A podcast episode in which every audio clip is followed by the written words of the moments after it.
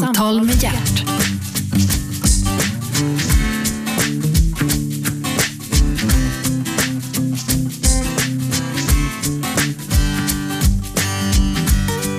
God morgon och hjärtligt välkomna till Radio 1.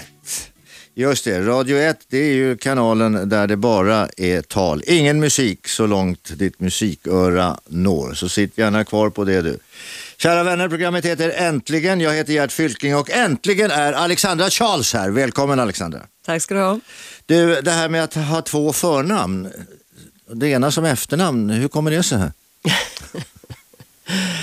Ja, det är klart, det är väldigt många som undrar när jag beställer ibland en taxi så säger jag Charles och då så står alla och väntar på en man så att jag vet vad du menar. Nej, men eh, jag var gift med en man som heter Noel Charles Okej. och eh, det här var då när jag öppnade Alexandras eh, så långt tillbaka så att eh, det var många år sedan. Men i alla fall, då, då blev Ja, jag det ju var Mrs många, Charles. många år sedan. Det var 68 eller? Var... Ja, Mm. det stämmer.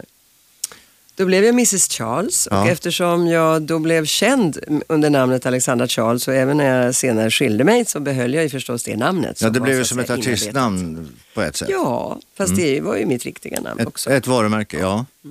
Så du, så du gifte dig och sen skilde, sig, skilde du dig och så behöll du namnet. Mm. Var kommer den här Charles ifrån? Noel No- Noel, Charles? ja, just det. Noel och jag träffades eh, när jag kom hem från USA. Då hade jag varit eh, pluggat, det var ett fantastiskt år i, efter studenten. Och eh, då var jag ute i the, the, the Midwest, jag hamnade i Boulder, Colorado, University of Colorado. Åkte Okej. mycket skidor och sen så åkte jag runt hela staterna med sån här greyhoundbuss för jag var nyfiken och ville se allt. Ja. Och på vägen dit och vägen hem så passerade jag förstås New York och där var vi ju många unga glada studenter och andra som gick ut och tittade på stan och såg eh, massor med spännande saker. Sen kom jag hem till Stockholm efter det här året och Europa och då hade London seglat upp som en väldigt spännande stad och ett eh, häftigt land. Det var det här England, för där, därifrån kom alla trender. ja. Och nu talar vi alltså 66 när jag kom tillbaka från USA. Mm. Och så Jag minns det som igår. du gör det? Ja, det är klart du gör Gert. Och då i alla fall så, så fortsatte jag att studera. Så jag gick på Stockholms universitet och så blev det strejk den hösten och den skulle pågå hela hösten och jag läste då bland annat engelska och spansk litteraturhistoria ska jag säga och um, affärsspanska. För jag ville bli tolk. Och det här är en lång historia för att förklara varför jag begav mig till Spanien. Ja. Och det gjorde jag, för jag tänkte så här att hellre än att gå här och få ingenting gjort så åker jag ner och skriver in mig i Barcelona på universitetet. Så, så duktig på spanska. Billigast, ja, mycket Ja. duktig på spanska. Eh, Billigaste sättet att ta sig dit då, det var att ta, som en viss eh, Lasse Flinkman sa, charter. Så då tog jag charter till Mallorca Ja. för att så ta färjan över.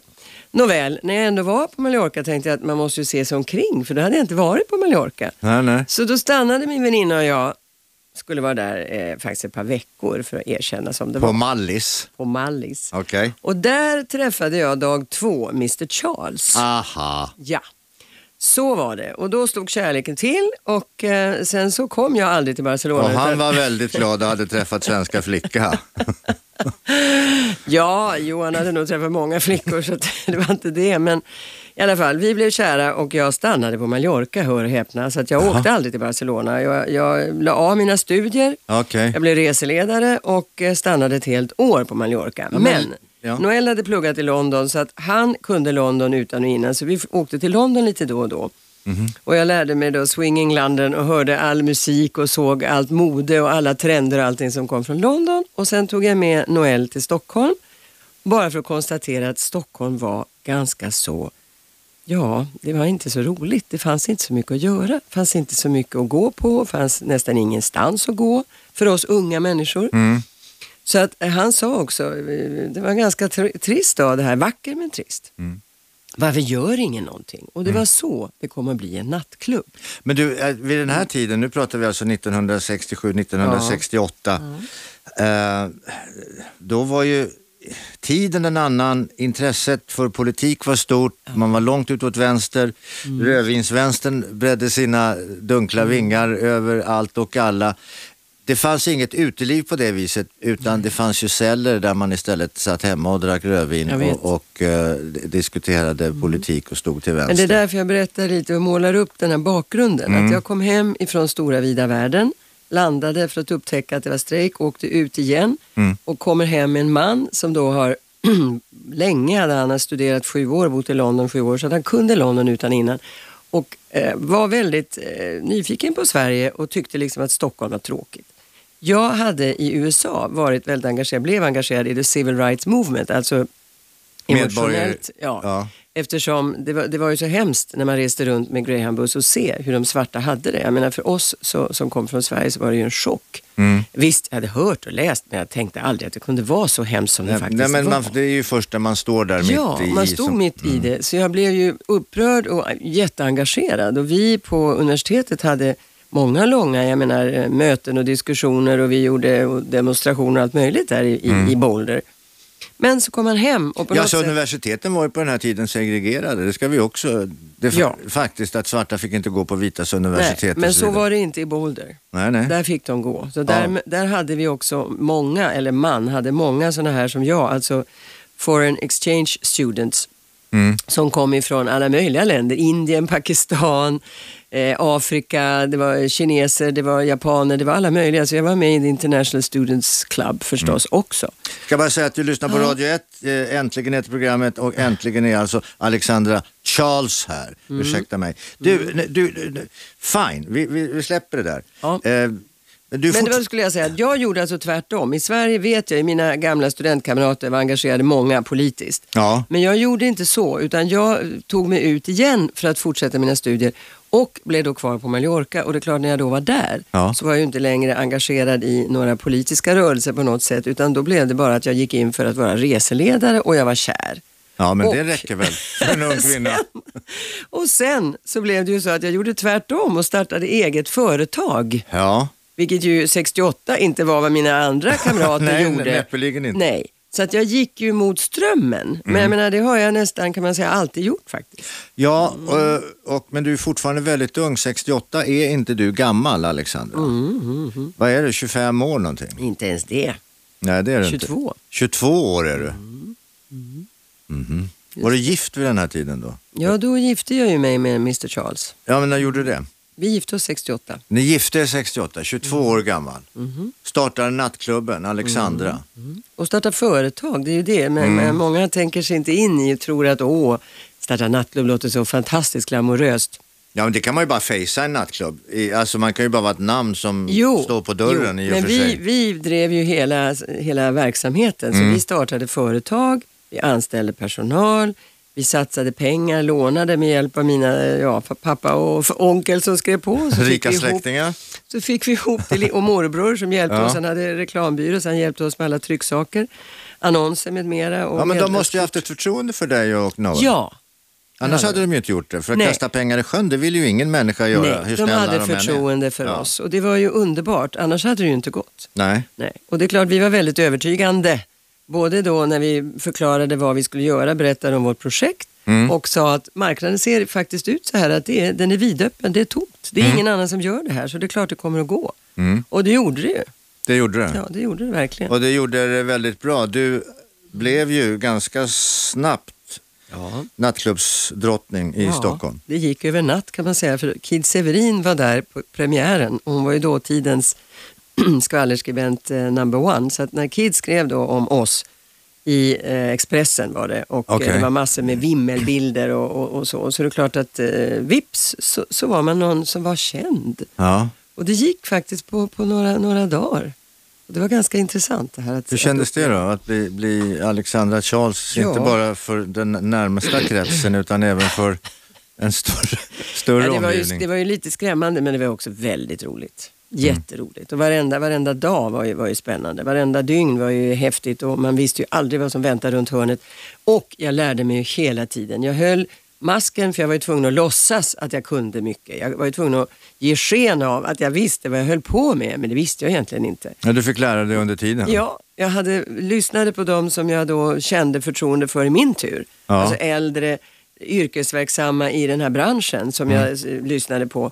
Och sen så läste jag böcker, försökte läsa sån här kurs på restaurangskolan här i Stockholm, gick lite kurser för att lära mig lite om hur man skulle driva det här och med personalpolitik och allting. Ja. Det är klart att mycket är ju logik men visst, man måste ju eh, ha kunskap. Jo, det måste man ha, men det var väl roligt att du som ung människa lyssnade på vad äldre människor hade att säga. Idag är det klent med det tycker jag. Jo, men eh, jag hade, ja, ja, alltså jag är äldst, jag tror det också har, har påverkat mig mycket. Jag är äldst en stor syskonskara. Okej. Och ehm, eh, då, då har man, för det här har jag läst böcker om senare, att, eh, hur det är med rollen i en familj. Alltså vem du är, om du är yngst eller äldst, i mitten eller ensamt barn, så påverkar det dig. Så jag var van vid att, att ta tag i saker och liksom få saker gjorda på något sätt. Och, Ja, du blev ju den som blev ställföreträdande mamma och lite Ja. ställföreträdande pappa och Ja, ta hand om faktiskt. en syskonskara. Ja, så blir det ju. Eftersom Alexandra kan vi lita på, hon är äldst. Så var jag elevrådsordförande Ja. i gymnasiet. Och det var ju en god skola. Ja, Då lär man sig också hur det är att vara så att säga en, en, en slags, för det måste man ju vara, en, en, en ledare. men det måste ju ha funnits ett, ett driv, ett driv och en önskan att, att eh, eh, göra någonting, att se möjligheterna. Du måste ju ha haft Jo, jag menar, du jag har ju var- inte rättat in det i ledet på Nej, det när, jag viset. var, när, jag var, när jag var barn, när jag var ung, så, så drömde jag ju om den stora vida världen. Jag ville ut och påverka, jag ville vara med och påverka. Jag hade inte riktigt klart för mig exakt hur. Men eh, eftersom jag blev så som, som eh, de flesta tjejer blev på min tid när man gick gymnasiet så blev jag sån här, du vet, halvklassiker som det heter. Man läste språk som eh, huvudämne. Och så tänkte jag att jag blir tolk, för då vill jag till FN. Det var mitt mål, det var min dröm. Och jag tänkte att i FN, där kan man påverka. Och en av mina stora idoler var, förutom Martin Luther King, så var det då Dag Hammarskjöld. Så jag tänkte, dit vill jag. Och där vill jag på något sätt få in en fot och så ska jag vara med och påverka. Ja men det lustiga är, men vänta ett tag, det finns en distinktion här. Det, som, som, alla människor säger sig vilja ut i världen och det säger man idag också. Ut och res och se världen. Ja. Det är väl en sak, det är väl gott och väl. Men att lägga till som du nu gör, jag vill också skaffa mig en plattform utifrån vilken jag kan påverka. Den är ju aningen unik. Ja. Den är ju annorlunda. Det, är, det är inte alla människor. Alla människor säger ja, men det här ska jag se och det här ska jag göra. Men inte med, med, med tanken att om jag nu ser det här och gör det här så får jag en kunskap och den kunskapen kan jag sedan använda i nästa steg, nämligen när jag vill göra någonting och förändra någonting. Jo, men det vill jag då och det vill jag Ja, fortfarande. det är ju ett jävla driv. Du har ju ett driv. Ja, Så, jag har fick, ett så blev du ju också, vad blev det, affärskvinna nummer ett. Ja, jo då, jag du har ju fått... pris för det där. Jo, jag har fått lite utmärkelse, det har jag. Men den finaste, den, den fick vi 2005, eller jag 2005, för den förening som jag ju jobbar med idag. För jag är Mm. ju ingen föredetting, det vill jag betona, utan jag är ju mycket verksam, oerhört verksam och jobbar hela tiden i stort sett. Ja, ja men det kan jag intyga. Det, det, det strålar här om Alexandra Charles. Du, vi ska, vi ska Ja. avbryta här. Vi ska ta Ja. lite reklam. Vi är strax tillbaka. Jag vet Okej. precis vad du vill att vi ska prata om. Nämligen 1,6 miljoner klubben ska Just vi det. prata om. Och det gör vi alldeles strax. Du stannar kvar vid radion. Äntligen! Samtal med hjärt.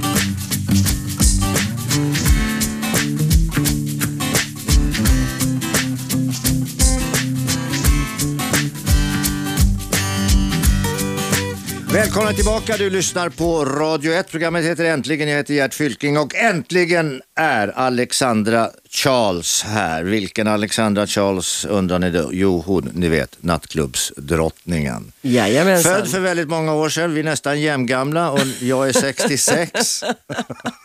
Man talar inte om en dams ålder. Nej, det gör man verkligen inte. Men eh, du heter Tyra Margareta Ingalill Gevert från början. Mhm. Var kommer Alexandra in i bilden? Ja, men... Ja, då måste vi gå tillbaka Nej, igen till Bara- eh, skolan. Jo, till skolan. Lite kort bara. Ja, då, nej, men det gör jag gärna, Ja. för det är ju väldigt romantiskt. Jaha. Det var så här att jag kom efter studenten 18 år ung, för jag var en bra, duktig student ska jag säga. Mm. Så att jag fick ett stipendium efter studenten och hamnade då i USA. Och där, min första boyfriend i USA, han heter Dexter.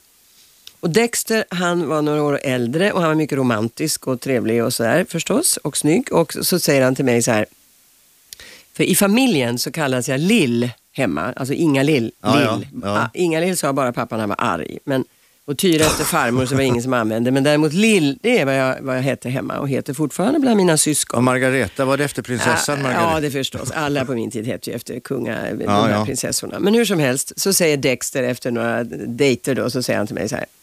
What kind of name is that? Lil? Det Mhm. var i the, the mid, Middle West nu, ungefär i, i, i Colorado. It sounds terrible. It's awful. Lil. um, can't I call you the most beautiful name I know? It's Alexandra. Och då sa jag så här, mm, yes I like it, of course. Och så gjorde han det. Och så började han, eftersom vi då började umgås och dejta och ses regelbundet, så kallade han mig Alexandra hela tiden och alla hörde det här. Ja, ja. Våra kamrater. Så då blev jag Alexandra där i Boulder, Colorado. Och 18 år ung. Och på den vägen var det. Sen när jag åkte hem så träffade jag då min första man. Och då hade han faktiskt en annan fästmö. För att vi skulle kunna mötas skrev vi små lappar till varandra och då sa han så här Skriv nu inte Lill, därför att om vi åker dit blir det inte så kul. Har du inget annat namn? Jo visst, sa jag, Alexandra. Åh, sa han, då kallar jag dig Alexandra. Så han började kalla mig Alexandra. Och så alla andra på Mallorca kallar mig Alexandra. Sen var det dåtidens mode att döpa klubbar, alltså ställen, häftiga ställen efter kvinnor. Okej. För det fanns eh, till exempel Annabels i London om du minns. Mm. Och eh, det fanns Sibbles i New York och så vidare. Så att när vi skulle döpa vårt ställe i Stockholm så blev det ju givetvis Alexandras. Okej. Och efter mig. Och alltså Alexandra, jag var ju då symbolen för det här Mm. och då var jag ju Alexandra med alla. Så att Noel kallar mig Alexandra, alla våra nya vänner, all vår personal, alla kunder, alla Mm. gäster. Så jag blev Alexandra och då gick jag till passkontoret, eller, eller vad heter det, pastorsmyndigheten, ja. Ja. ämbetet och sa kan man föra in det här i passet? Ja, visst, sa de. Är du allmänt kallad, två personer intygar så är det okej. Mhm. Då gjorde jag det. Och då var jag, eh, 20 var jag väl då ja. Och då fick jag det infört i mitt pass. Så numera är det bara Alexander? Ja, säger Alexandra. Ja, Ja, okej. förutom bland syskonen för de säger Lill. Okej. Du, Gevert. Ja, det är mitt flicknamn. Det är ditt Eh, flicknamn, ja. absolut. Men jag tänkte Gevert, Släkt från Värmland. släkt från Värmland. Mm, på pappas eh, sida. På pappas sida. Mm. De, de hade inte något med film att göra? Eller bild? eller- Jo, visst du vet, i Kodak och Gevert-filmerna. Ja, ja, just visst det, var det, så. Ja, men då så. Ja. Då var det rätt. Ja. Du, eh, Värmland och Filipstad. Just det. Jag blev- Ambassadör i Filipstad. Ja, jätteroligt. Det är ju kul att samla på titlar. Ja, det är det. Jag har ju drottningtitlar. Jag var Mälardrottning och jag, jag är då nattklubbsdrottning. Ja. Och nu blev jag ambassadör också, så Ja. det är väldigt roligt. Och så är jag då hälsoprofet numera i min nuvarande profession för Jaha. 1,6 och 2,6 miljoner klubben. Profet alltså. Blir man Ja. profet i sitt eget land? Ja, det kan man bli. Det kan man bli, Det uppenbarligen. Det är, om man går mot strömmen så kan Men man du, bli det, det. det, Mm. det stora fina priset en gång eh, erövrat, nämligen Årets opinionsbildare i Sverige Mm, det var fint. 2005. Och årets folkbildare blev jag eh, genom att Nationalencyklopedin delar ut något väldigt fint som också innebär inte bara ära utan också faktiskt pengar. Som då gick självklart till den ideella organisation som såg dagens ljus 98 som heter 1,6 miljoner klubben som ju är mitt skötebarn som jag jobbar med och som vi brinner för många vid det här laget. Och vi blev utnämnda av NE, alltså Nationalencyklopedin, med tung fin jury med eh, rektor för Handels, rektor för Chalmers eh, och så vidare till det årets bästa och främsta folkbildare. Och det fick vi på grund av våra seminarier, våra tidningar, våra böcker, vår verksamhet där vi sprider kunskap om allt som är hälsa. Och det tyckte jag, det var fint. Det var väldigt fint. Det var det Det är ju en väldigt fin titel. Ja, för att bli folk- folkbildare, det är inte ja, dumt. Nej, det är inte dumt. Så att det känner jag mig som nu. Så att, eh, ja. Det är något den där jävla skolministern skulle kunna sträva efter att någon gång få bli. Årets folkbildare kommer han aldrig att bli, Björklund. Jag säger inte det. Nej, aldrig. Lite goda samtal så kanske... Lite goda samtal och lite pengar under bordet så kanske. Mm. Inga Men i- pengar under bordet, men lite goda samtal när man måste påverka. Återigen, tillbaka till det här med att påverka, det är viktigt. Det är jätteviktigt. Ja. Du, eh, Alexandra Charles drev Alexandra, nattklubben, på lite olika ställen runt om i Stockholm. Eh, vad var första stället? Det var Strand Hotel. Strand Hotel mitt emot Dramaten där nere. Ja. Mm. Sen flyttade vi till eh, gamla ärvördiga Cecil, hette det, på Biblioteksgatan. Just det. Fantastiska lokaler. Ja. Där hade det varit krog och eh, känt och berömt sedan 40-talet. Så Ja. vi kom dit alltså slutet på 60-talet. Ja. Så vi kvar där och ville vara kvar. Men tyvärr så sjönk fastigheten halva, där vi hade kök och hela hjärtat, personalutrymmen. Sjönk? Och, ja, du vet, Stockholm är byggt på pålverk. Ja, ja. Så att hela eh, Gamla stan och, och vissa valda andra delar av Stockholm sjunker lite sakta men säkert. Och ibland vissa eh, fastigheter är riktigt illa med. Mm. Då måste de rivas och så får man bygga upp nytt på samma ställe förstås, men ändå. Så så var det i vårt fall. Och Mhm. då fick vi flytta. Därför hamnade jag uppe på Döbelnsgatan. Och där var det inte så lyckat att ligga för där uppe är det sovstad. Men jag köpte en nattklubbslokal som jag trodde var insynad, men jag blev lite lurad faktiskt. Så den var bara, eh, jobbade på dispens. Och så fort det kom in en ny ägare så säger lagen, nu ska vi komma hit, brandmyndigheter, hälsovårdsnämnden allihopa och vips så sa man att vi måste bygga om, bygga om, bygga om, ändra, ändra för att bli godkända. Det gjorde jag allt det där. Ja. Men sen var det två grannar som klagade för att det var då lite liv på gatan såklart. Ja, ja, ja, jag Fick jag minns. flytta igen Mhm. och då hamnade jag nere på Birger Jarlsgatan Mm. i ett hotell som man öppnade då. Eh, Det här är nu 84 vi talar. Och det är alltså det som heter Stockholm Plaza. Mm. Och där var det outgrävt. Det var jättekul att vara med för då fick jag rita för första gången. Vara med, med med byggherren och rita och se Ja, ja. hur det skulle se ut, hela layouten. Och det var härligt och häftigt att säga, här ska vi ha eh, gradänger om du vet vad det är. Ja. Riva pelare och här dansgolv och här scen och här pianobar och här Mm. champagnebar och kaviarbar och det ena med det andra. Så det var ju bara kul. Sen kunde man inte få alla sina önskemål uppfyllda, men Nej. Mm. mycket. Så det var roligt. Sen så tänkte jag när det gått 20 år att nej, nu får det vara nog, nu vill jag ut i dagsljuset. Jag kan inte hålla på så här. Jag började att bli lite äldre. Jag kände att det var viktigt att göra något ordentligt, något nytt och så hade jag träffat en ny man. Och då, visste är jag, året 1988. yes, Då, Mm. Alexandra, vi tar en liten paus här. Det ska bli nyheter här på Radio 1. Du stannar kvar. Därför att nu ska vi eh, kasta oss in här lite grann i nutid bra, med Alexandra härligt. Charles. Ja, Vi är det strax tillbaka. Okej, det vill vi. Äntligen! Samtal med hjärt.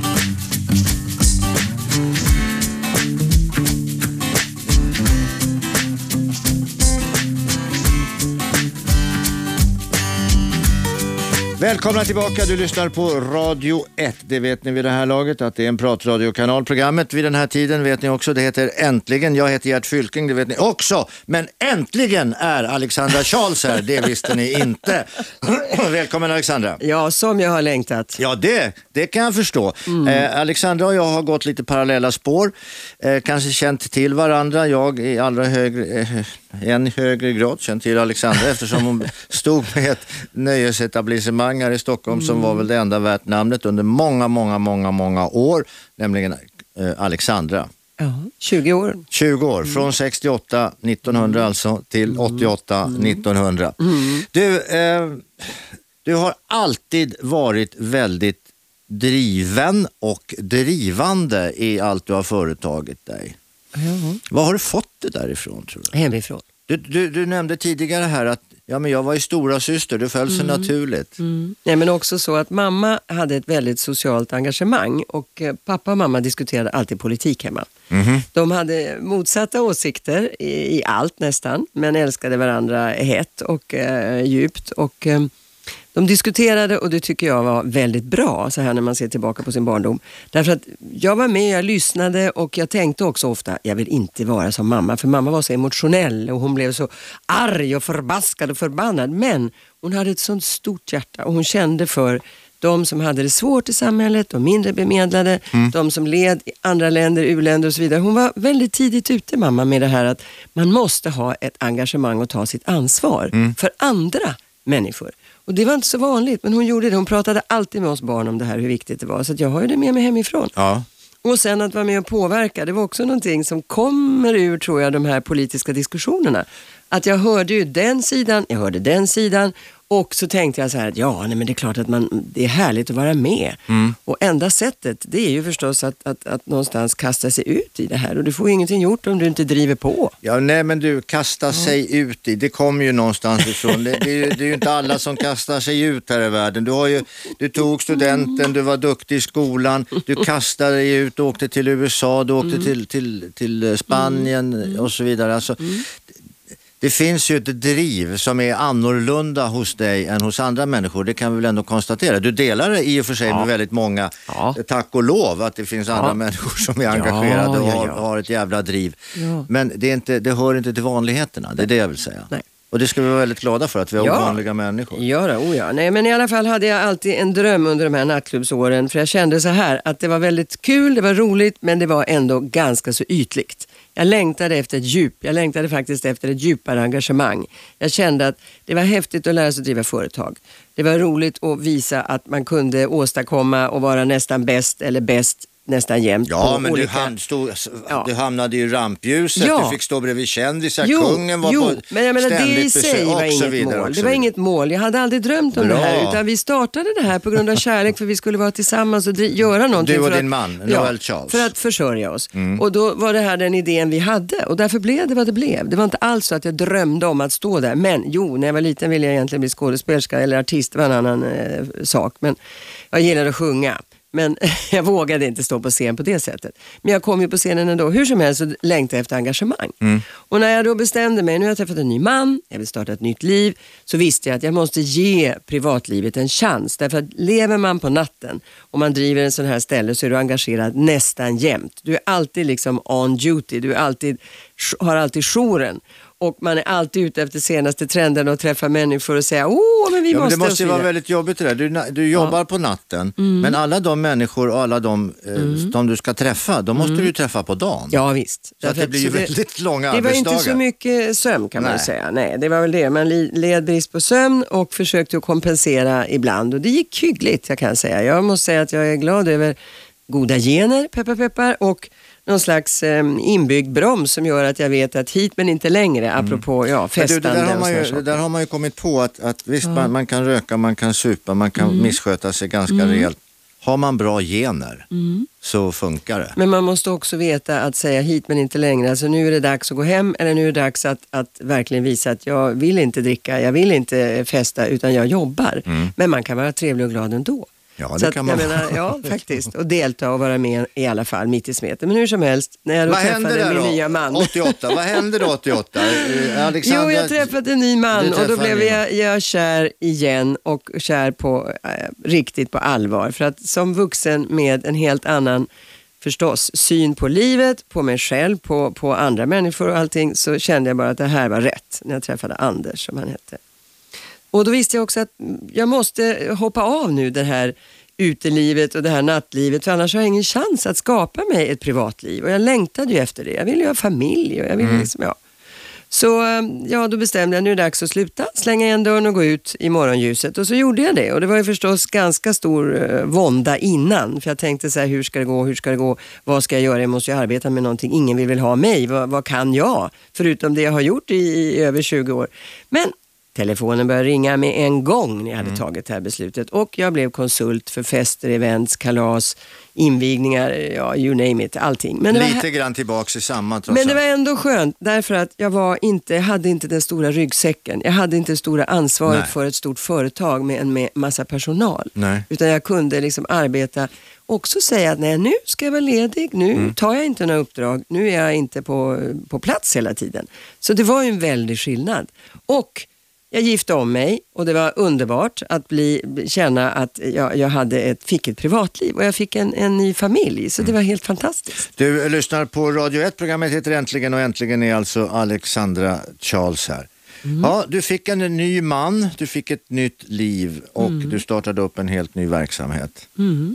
Du, eh, det har skrivits, och, skrivits en del om dig. Ja, du har skrivit och delt massa böcker och skit. Va, berätta lite grann. Du, Jo. Jag, jag är jätteimponerad. Jag, jag tycker det är väldigt roligt Därför att du, du är runt, du är kring, med du är om dig. Ja, ja, jo, men jag tycker det är roligt med böcker. Så att eh, 86 då hade jag fått eh, förfrågan om jag inte skulle sk- börja skriva mina, min biografi. Och då så blev jag lite förolämpad och tänkte så här, va? Jag är ju för ung, det är för tidigt. Ja, du är Men- 40 år. Ja, då tänkte Ja. jag nej, men det kan ju vara rätt roligt kanske att ändå göra ett dokument om klubben. Och det blev det med hjälp av Lotta Levenhaupt, en väninna som är journalist. Så vi kom ut med Alexandra on the Rocks. Mycket bilder, men också lite stories om och kring klubben framförallt, men också lite privat. Och eh, sen, några år senare, hade jag lärt känna, jag hade en av mina kompisar, Sixten Herrgård, var väldigt nära eh, kompis med Magdalena Ribbing. Och Magdis skulle då göra en bok med Sixten, men då blev han så sjuk som du minns, så att då så fick jag på Sixtens inrådan hoppa in och så gjorde vi festboken, Magdalena och jag. Och det var också en härlig bok att komma med. Och nu sen vi, eh, eller jag kom igång med 1,6, den här kvinnohälsoföreningen som jag gärna vill tala om, så har vi givit ut sju böcker. Mhm. Och det är så underbart med bokidéer. Att få föda fram en bok, det är ju någonting alldeles extra. Och se hur den får liv och sprids och finns ju kvar. Så det är ett dokument som lever vidare. Du, du har någonstans, eh, någonstans sagt, och det har väl alla eh, vid det här laget konstaterat, att det är så att män styr och ställer i denna världen och män kör i en gräddfil och så kvinnorna konka på i kö, den filen där det är kö. Eh, det finns ju en slags inbyggd orättvisa. Ja. Könsmässig Ja, jag är mycket emot orättvisor. eh, orättvisa. Eh, var det det som fick dig att dra igång den här 1,6 Ja. miljoner klubben? Ja. Det var det? Ja, det var det. Varför Egentligen. Jo, därför att jag lyssnade på två eh, sakkunniga professorer, forskare som då berättade på ett föredrag jag var på att i, det saknas kunskap om kvinnors specifika hälsofenomen och problem. För man har haft en mall, en norm och det är mannen. Och så har man sagt att som mannen är, så är människan. Mm. Och när jag hörde det här då 1997 på hösten så tänkte jag så här att va, det är ju inte klokt. Vi vet väl alla att män och kvinnor är olika. Vi reagerar olika, vi, vi fungerar olika, vi tänker olika, vi är olika. Ja, vi är byggda... Vi är byggda olika, det vet vi ju. ja. Och det är ju härligt. Ja. Det är väl underbart att vi är olika, men man måste väl utforska olikheterna. Man kan ju inte bara säga att alla är som mannen och så, så forskas det på det och så tas det fram då behandling för hjärtinfarkt på mannen, ja då ska det vara likadant för kvinnan. Samma Mm. slags läkemedel, samma slags rehabilitering och så vidare. Det fungerar ju inte för vi är olika. Ja, det är vi. Och då blev jag så arg för jag tänkte att det viktigaste vi har, det hade jag ändå kommit fram till då redan 97 på hösten, att det var ju ändå det är ju vår goda hälsa. Mm. Alla pengar, all utbildning, alla ägodelar du har, alla kontakter du har är ingenting värda om du inte har din goda hälsa. Nej. Så då tänkte jag så här, det här är ju fundamentalt, det här måste vi rätta till. Och så tänkte jag, vad ska jag göra då? Jo, jag samlar kvinnor omkring mig som jag beundrar, som är starka, som är kunniga och som vågar stå upp för sina åsikter. Och så sa jag så här, nu bildar vi en förening, tycker ni inte? Jo, det tyckte de. Och så gjorde vi det och så började vi skriva, vad ska vi då göra? Jo, vi ska sprida objektiv information om allt som är hälsa till alla. Vi ska se till att genusperspektivet införs i medicinsk forskning och medicinutbildning för allas bästa. För bättre livskvalitet. För jag menar, det är ju så att vår hälsa, kvinnors hälsa menar jag, angår ju inte bara oss. Det angår ju alla, männen i allra högsta grad. För alla lever vi ju i en, eller de flesta i alla fall, i närhet med en man. Antingen så är det då partnern eller så är det då brorsan eller sonen eller kamraten eller pappan. Så män och kvinnor behöver ju varandra. Ja, och jag har ju kommit på det att är kvinnan glad, då är mannen glad. Ja, och vice versa också. Nej, jo inte då. nödvändigtvis. Jo då, därför att vi behöver förstå varann. Ja, förstå det är inte var- så att jag är någon militant feminist kan ni inte tro. Jag vill inte fjärma kvinnorna från männen, tvärtom. Jag vill närma kvinnor och män till varandra ännu mer. Genom mer kunskap och insikt så tror jag att vi kommer att förstå varandra bättre. Mm. Och när vi får lika villkor när det handlar om det här med hälsan. Mm. Och hälsa är så mycket. För jag menar ekonomi är också hälsa, därför att det är den mentala hälsan. Alltså du vet ju, Mm. Ja, men mår du ju. bra så kan du ju gå till jobbet, mår du dåligt kan du inte gå till Nej, jobbet. Så och inte ju bara också säga. jobbet. Du kan ju dessutom vara nöjd och glad och harmonisk i ditt liv. Ja. Och är du inte det så går du ut och sipprar ut till omgivningen. Men du, det här namnet då, en- en- 1,6 ja, miljoner det klubbar. syftar inte på pengar. Nej, men det är det man tror. Det är det man tror. Jag vet, och det var liksom vitsen. Okej. Vi måste ju få skämta lite också, även om det är allvarliga ting. Nej, men jag tänkte så här, money talks, Ja. det hade jag lärt mig. Och säger jag nu så har vi bildat en förening som heter Kvinnors bästa, då blir det så här, "Åh, det låter tråkigt, det lyssnar vi inte på. Men säger man att Åh, vi har bildat en förening som heter 1,6 miljoner klubben, åh vad är det? Kan man investera? Är det något nytt, spännande? Kan Ja. man liksom, ja. Och så med Alexander Och då Charles bakom. skjuter man in budskapet och säger nej, men det handlar om en grupp kvinnor. Nämligen till antalet var vi då, 97 på hösten, 45-plussarna i Sverige, 1,6 miljoner till antalet. Aha, okej. Ja. Sen har vi lagt till, obs, de som är 25 plus för tre år sedan. För det är klart att, jag menar, vi behöver ju ha med de kvinnorna som är yngre också. För de behöver också tänka på sin hälsa och få bättre kunskap och Ja, få ja, hjälp visst, med sin absolut. stress, med sin utbrändhet, med sitt livspussel, allt det här som är så viktigt för dem. Våra döttrar med andra ord och deras kompisar. Så då tänkte jag, hur många är det mellan 25 och 45?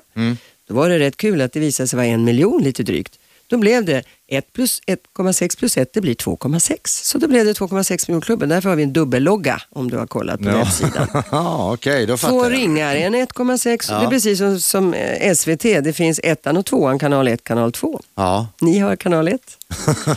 Så är det. Så att alla får vara med Gert och männen får vara med också. Så att, det har vi sagt i våra statuter från början att alla män får vara medlemmar och vi har kanske en en 600-700 män som är medlemmar. Okej. Bland 35 000, så det är rätt bra. Ja, det är väldigt bra. Hur ofta träffas ni och drar upp planer för fortsättningen? Nu har ni... Och vi träffas, eh, ja, ehm, jag jobbar ju hela tiden i stort sett och vi har ett kontor som eh, sysselsätter sju personer på heltid. Oj då. Vi har ett nätverk med kontaktkvinnor i hela landet idag, det är ett 30-tal och vi försöker hålla kontakt via mail, det går ju så bra. Ja, det är via snabbt nätet, numera. fantastiskt.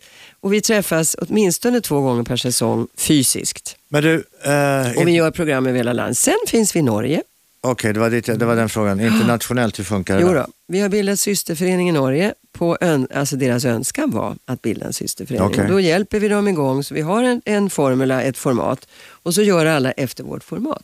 Och då är det alltså Får jag en... fråga en sak? Börjar du dig närma dig FN nu kanske? Ja, jag Vi hoppas pratade det. om Jag det hoppas tidigare. det. Jag att när det. Alexandra var ung så ville hon till FN Ja. som tolk. Vi har varit i EU-parlamentet Okej. och det var ju väldigt, väldigt intressant och spännande. För vi var inbjudna att åka ner till Bryssel och det gjorde vi och hade med oss experter på hälsa och så bjöds det in alla EU-kommissionärer och det kom mängder med människor. Äntligen! Samtal med hjärt.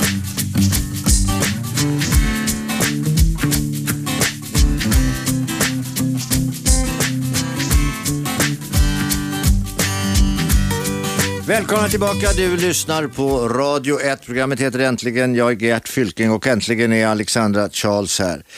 Ja, du Alexandra, vi fick höra här att 1,6 miljoner klubben, den blev 2,6 miljoner klubben. Ni har systerklubb i, i Norge. Ja. Eh, Ni har nätverk i många andra länder också och ni har varit i EU-parlamentet och eh, talat om de här specifika frågorna som gäller alltså kvinnors specifika hälsa. Ja. Att man vill, du, ni vill att få igång en forskning som bygger på genus, inte på att människan är bara en. Nej, utan det, det. finns faktiskt två olika, Just en det. man och en kvinna. Ja, och sen också det holistiska seendet är viktigt. Du vet att allt hänger ihop. Alltså psyke och kropp och hjärta och allt det här är ju det holistiska seendet. Att vi ser till livs... Idag talar vi ju då om, om livskvalitet, Ja. vi talar om livsstil.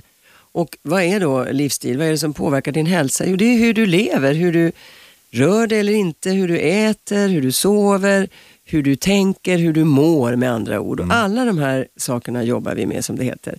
Men för att få mer forskning till stånd så behöver, behövs det mer pengar. Ja, hur får ni in pengar till den här verksamheten? Ja, och då så tänkte vi att om vi går i bräschen, tar ett initiativ och visar att vi som en liten ideell organisation som inte har några finansiella, som det heter, muskler, ännu i alla fall, men vi bygger på det, vi jobbar på det.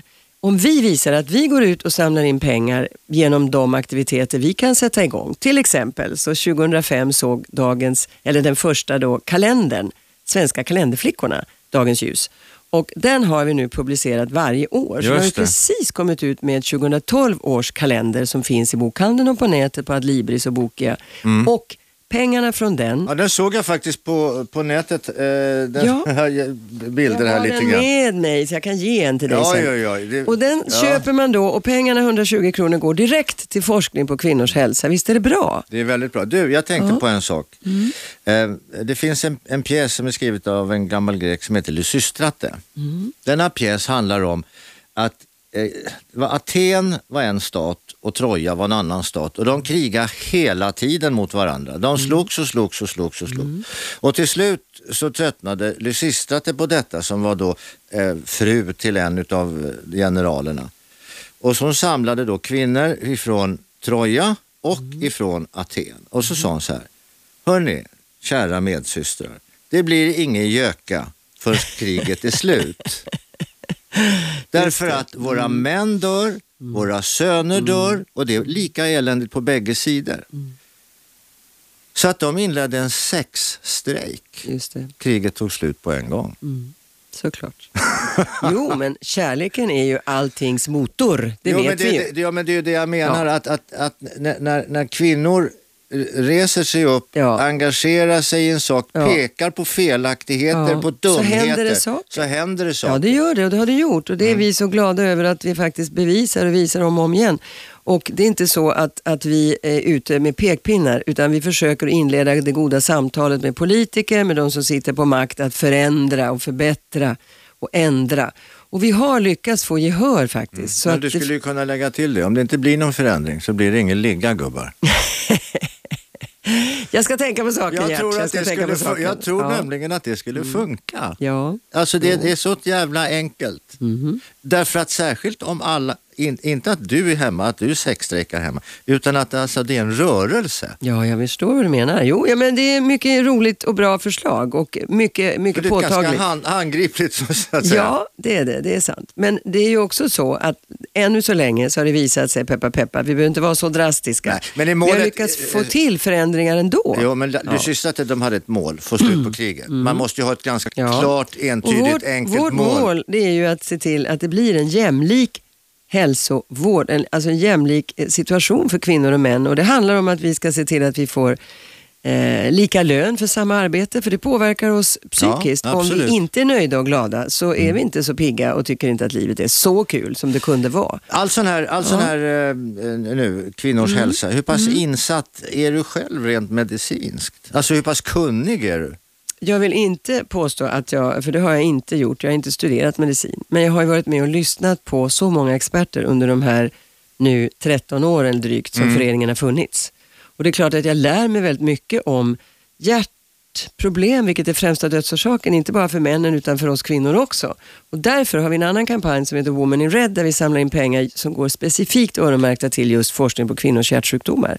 Och den är symbolen är en liten röd högklackad sko som vi säljer då på apoteket och runt om och då börjar vi med det i mars och så ligger det ute till nu september. Så drar vi in det och sen fortsätter det igen. Och de pengarna är öronmärkta för Mm. Det är en sån där liten pin alltså man Ja, kan... en nål. Ja. Alltså 30 kronor kostar den. Ja, och det är så kul för alla gillar den där. Och man kan ju inte gå med en sko, men man måste ju ha två. Så det är jättebra. Och så olika designers som ska göra de här skorna varje Ja, ja. år, så det är spännande. Okej. Men i alla fall, det är viktigt tycker jag att vi visar att man kan ha kul samtidigt som man gör ett väldigt bra och viktigt arbete. Hur många kvinnor var ni när ni startade det här nätverket? Ja, vi var ehm, 17. 17 stycken. Och nu har det växt, nu är det eh, i princip över I hela... Sverige är vi 35 000 medlemmar, och aktiva. nu har ni Norge, ni har Ryssland, ni har Tyskland. Ja. Det börjar bli mycket nu. Ja, det börjar bli många. Och vi ska utvecklas och Finland är på väg också. Mm. Och sen vet jag att man vill gärna i England och man vill i Polen och det gäller bara att hinna och orka och ha resurser. Ja, men är det inte lite grann att, att det, det är som att slå in öppna dörrar? Det är bara... Det, men det är ingen som säger... Ja, men, om du väl kommer, Ja. då kan väl inte folk säga nej det här ska inte vi ha. Nej, jo, det finns faktiskt konservativa eh, människor som säger att det här är bara larv och det här är fortfarande, även i Sverige finns det det. Mhm. Framförallt eh, konservativa mm, ja, forskare, professorer, läkare. Ja, men det, det, och även andra det underminerar ju deras trovärdighet. Jo, man tycker det. Men, men det är klart, de blir färre och färre. Det blir Och de dör ut i sina egna kärlsjukdomar, jo, hjärt jo, jo, kärlsjukdomar. det är sant. Det är sant. Så är det. Men det handlar ju inte bara om det, Gert. Det är också så här att många av de här unga, om vi nu tittar på morgondagens, de viktigaste, framtiden. De unga, de har faktiskt tyvärr börjat lite grann med fel vanor. De röker, Ja. de super för mycket, många, Ja. inte alla men många. Mm. De stressar för mycket, de lever, deras livsstil är fel. Alltså man har kommit in med du vet, så fast food, sitter vid datorn hela tiden, Mm. rör sig inte. Och många, många barn är överviktiga. Jag menar hur har vi skapat, kunnat skapa ett sådant samhälle? Det betyder ju att vi har inte lyckats. Mm. Nej, jag menar, inte. inte bara 1,6 miljoner-klubben utan överhuvudtaget vi, det moderna samhället. Vi har glömt att, det är klart det är kul med teknik, det är fantastiskt att det går framåt, men allt det där andra. Vi människor som ska hålla i det här, vi måste ju också tänka på att sköta om oss och ta hand om oss. Och det har vi glömt bort. du har någonting, Mm. du sa någonting i början där, dina väninnor vid 18 års ålder när du var 18-20 år, Mm. de stod på barrikaderna. Sen blev de lite för trötta för att stå på barrikaderna. Nu Mm. jävlar, drygt 60 så står du på barrikaderna Ja, och jag. kämpar Ja. som en besatt. Det är underbart, Alexandra Charles.